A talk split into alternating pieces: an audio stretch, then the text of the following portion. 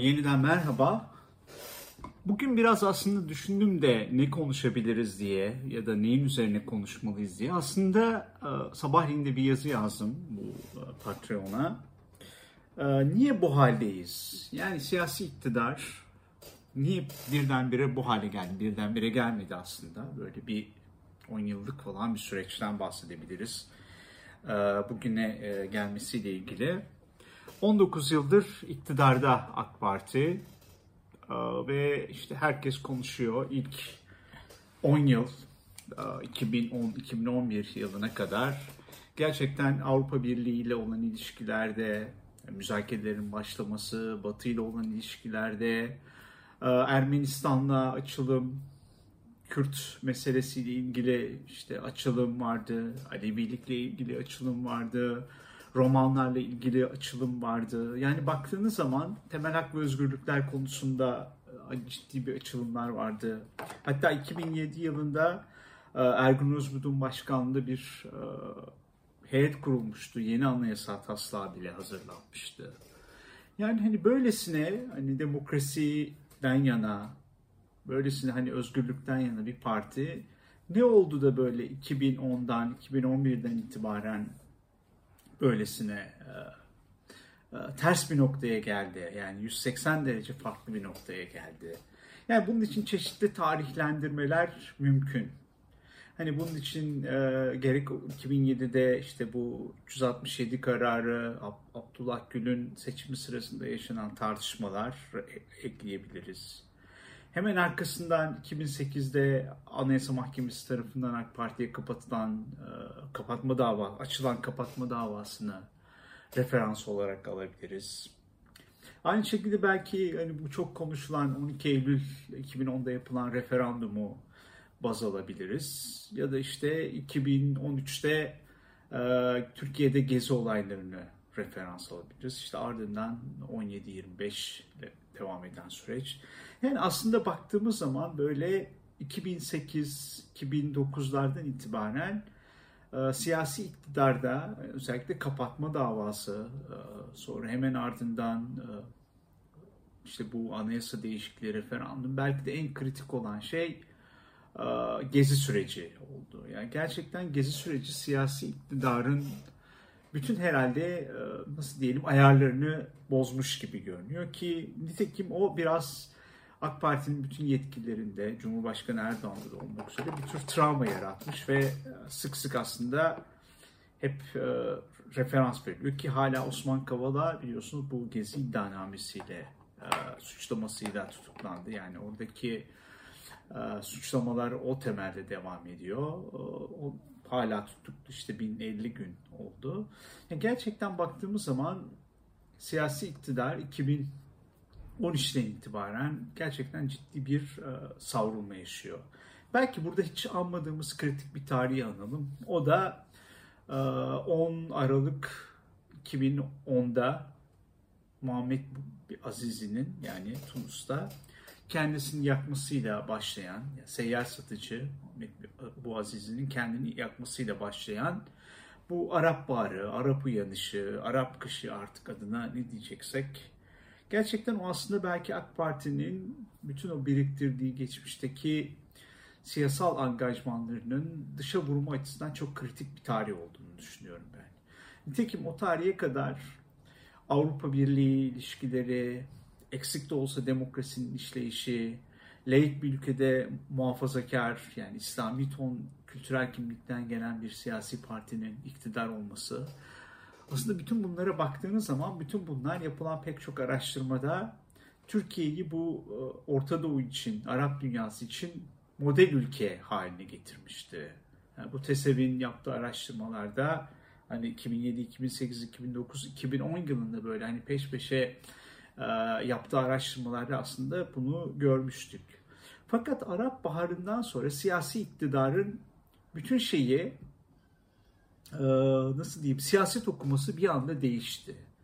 Ve kendini işte bu e, Osmanlılık yani yeni Osmanlıcılık denilen işte bu kültürel emperyalizm aynı din, aynı kültürel şeyden gelme ve tabii ki işte Müslüman kardeşler yani ihvan kardeşliğiyle olan referans galiba AK Parti'nin böyle bütün siyasi ayarlarını bozdu. Nitekim işte Mısır'da hemen e, Mursi'nin başa gelmesi, Mursi'ye en yakın çalışma isimlerinin AK Parti ile ilişkili olması, hani bu bir takım sivil toplum kuruluşları. Hemen ardından Esad meselesinde siyasi iktidarın tavrı, hani Esad gitsin bize yakın isimler gelsin meselesi gerçekten AK Parti'nin siyasi okumasını Batı'yla hani eşit ilişkiler kuran, Avrupa Birliği'ne üye olmak isteyen ülke üzerinden çıkardı ve bölge lideri pozisyonuna kendini. Öyle bir misyon biçti Türkiye kendini. Yani Arap dünyasının lideri. Evet hani bu biraz önce bahsettik demokratikleşme sürecinde gerçekten Arap sokaklarında Erdoğan'ın etkisi, rüzgarı, olumlu şeyi çok fazlaydı. İşte gerek bu 2007'deki Van Minut çıkışından sonra da Erdoğan'a yönelik bir ilgi vardı. Bu ilgiyi siyasi iktidar yanlış okuduğunu düşünüyorum yani. Bu ilgi aslında siyasi iktidarın modernleşme, Türkiye'nin batılılaşma, Avrupa Birliği üyeliği dediğimiz gibi hani bu özelliklerinin aslında bir yansımasıydı. Fakat siyasi iktidar bunu hani biz bölge lideriyiz, biz Orta Doğu'nun lideriyiz, biz işte Arap dünyasının lideriyiz gibi böyle bir okumaya yol açtı ve Türkiye sanıyorum bu 2011'den itibaren dünya ile kurduğu bütün ilişkileri yani sadece Avrupa Birliği ile ilgili değil sanıyorum dünya ile kurduğu bütün ilişkileri bu kimlik üzerinden belirlemeye başladı. Yani Cumhurbaşkanı Erdoğan işte nitekim o seçim gecesindeki konuşmaları hatırlayın. Ee, biz kazanınca işte Belgrad kazandı, ondan sonra işte Beyrut kazandı, Tahran kazandı, her yer kazandı. Yani böyle bir şey, böyle bunun olabilmesi teorik olarak mümkün değil ama siyasi iktidarın okuması bu. Yani biz bütün bu coğrafyayı temsil eden bir ülkeyiz, bir liderliyiz. Ve onunla birlikte gerçekten başlayan bir yalnızlaşma oldu dış politikada. Yani bu okuma hani Batı'ya mesafe alma, Amerika'ya mesafe alma, aynı zamanda biraz Rusya'ya yanaşma gibi diyelim. Yani Suriye meselesinde olduğu zaman ama orada hep kritik bir eşik oldu. IŞİD meselesi ve radikal İslam. E, radikal İslam ve işit meselesi söz konusu olduğu zaman birbirine 180 derece pozisyonda duran Amerika ve Rusya Türkiye'yi o noktada yalnız bırakmaktan hiç çekinmediler. Çünkü radikal İslam sadece Batı'nın değil Rusya'nın da korktuğu, çekindiği bir şey. Çünkü zaten yakın geçmişte bir Çeçenistan hikayesini onlar da kendi deneyimlerinden biliyorlar aslında.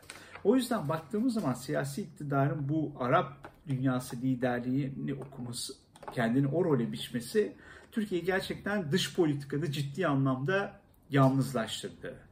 Bununla birlikte aslında aynı dönem yani çünkü bu iki politika yani iç ve dış politika birbiriyle çok paralel işledi.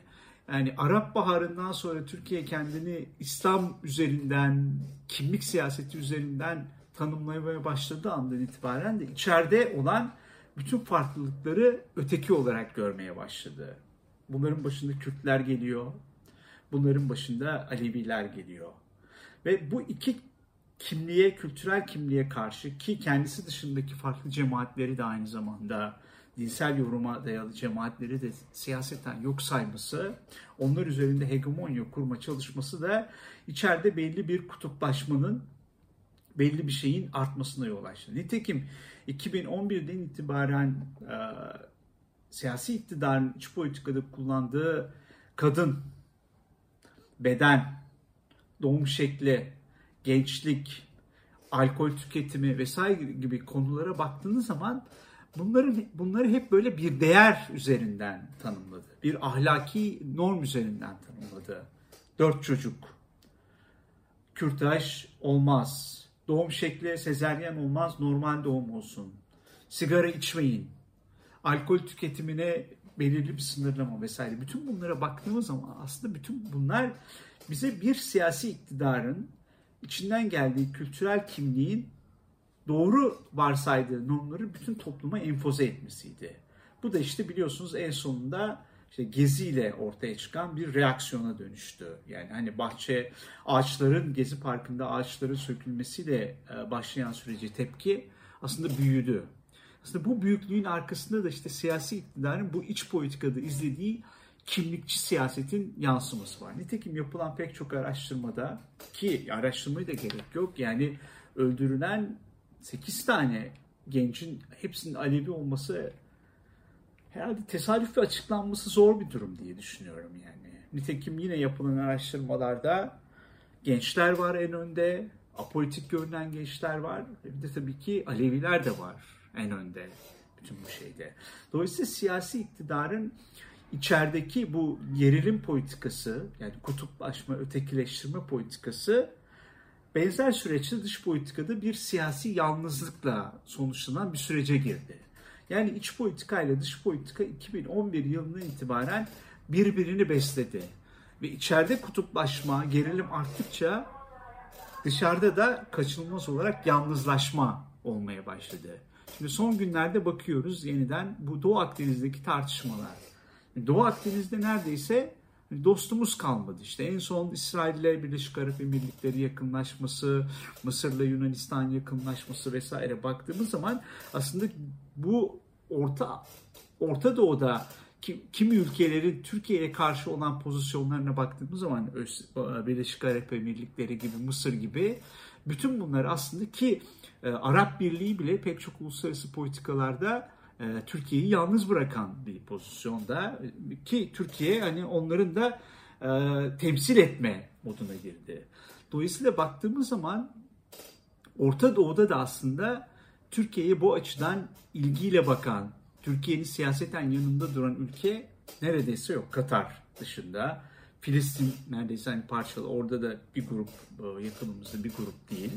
Dolayısıyla da hani bir yalnızlık söz konusu. Orta Doğu'da da öyle, bu Doğu Akdeniz'deki tartışmada da öyle. Zaten hani şeyi falan saymıyoruz. Hani işte bu Ermenistan, Azerbaycan meselesinde e, yine yalnızlık var. İşte batıya gittiğiniz zaman Avrupa Birliği ile ilişkilerde gene bir yalnızlık var vesaire.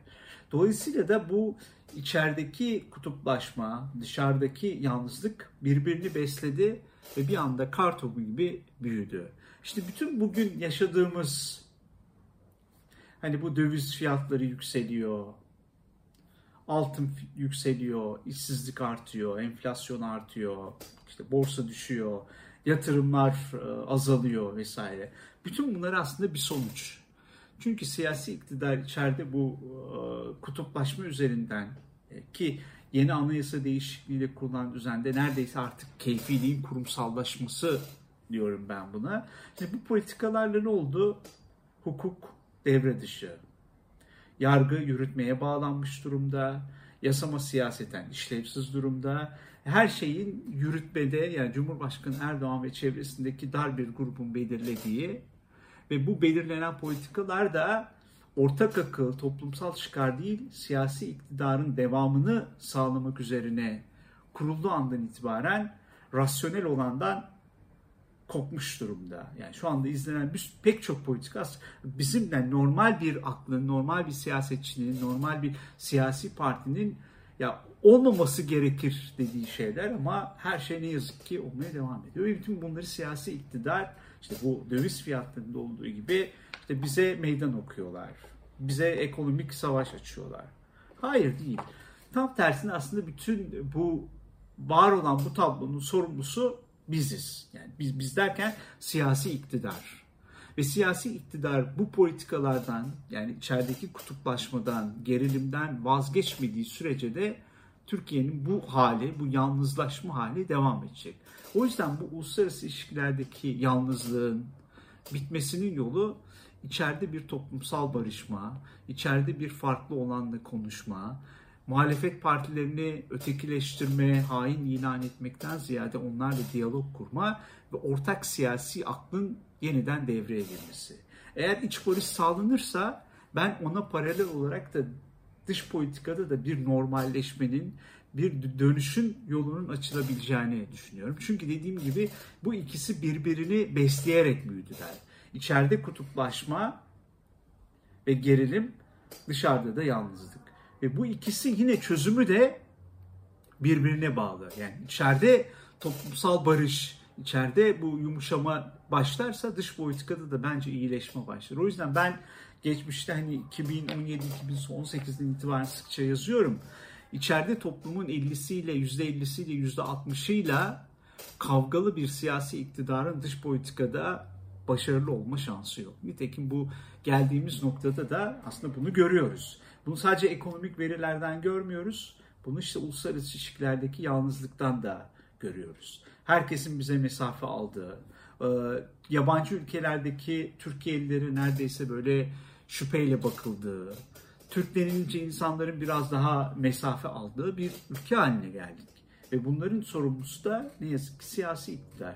Ve siyasi iktidar bize ısrarla bütün bunların bize açılmış bir savaş olduğunu, bizi küçük düşüp ya da bizi bölmeye çalıştıklarını falan ve o zaman ben de hep şunu söylüyorum yani evet ülkelerin yani hiyerarşik olarak bizden yukarıda olan ülkelerin böyle bir amacı olabilir ki zaten bizim de bizden aşağı ülkelere böyle bir amacımız var ama bunu önlemenin yolu da içeride güçlü bir siyasi güç oluşturmak. Yani birlik gerçekten o söylendiği gibi hamasi düzlemde değil, gerçekten birlik ve beraberliği sağlamak. E bunun yolu da aslında siyasi iktidarın muhalefetle konuşması, bütün muhalefetin sivil toplumuyla siyasetiyle birbiriyle konuşmasından geçiyor.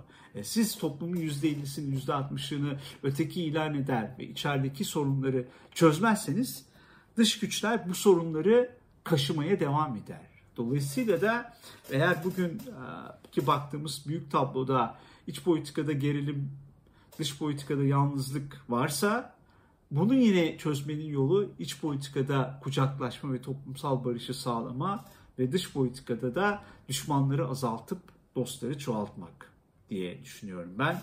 Ee, bugün de böyle bir yorum yaptık diyelim. Ee, evet tekrar abone olmayı ve e, bildirimleri açmayı unutmayın diyoruz. Ee, hepinize güzel bir e, gün diliyorum.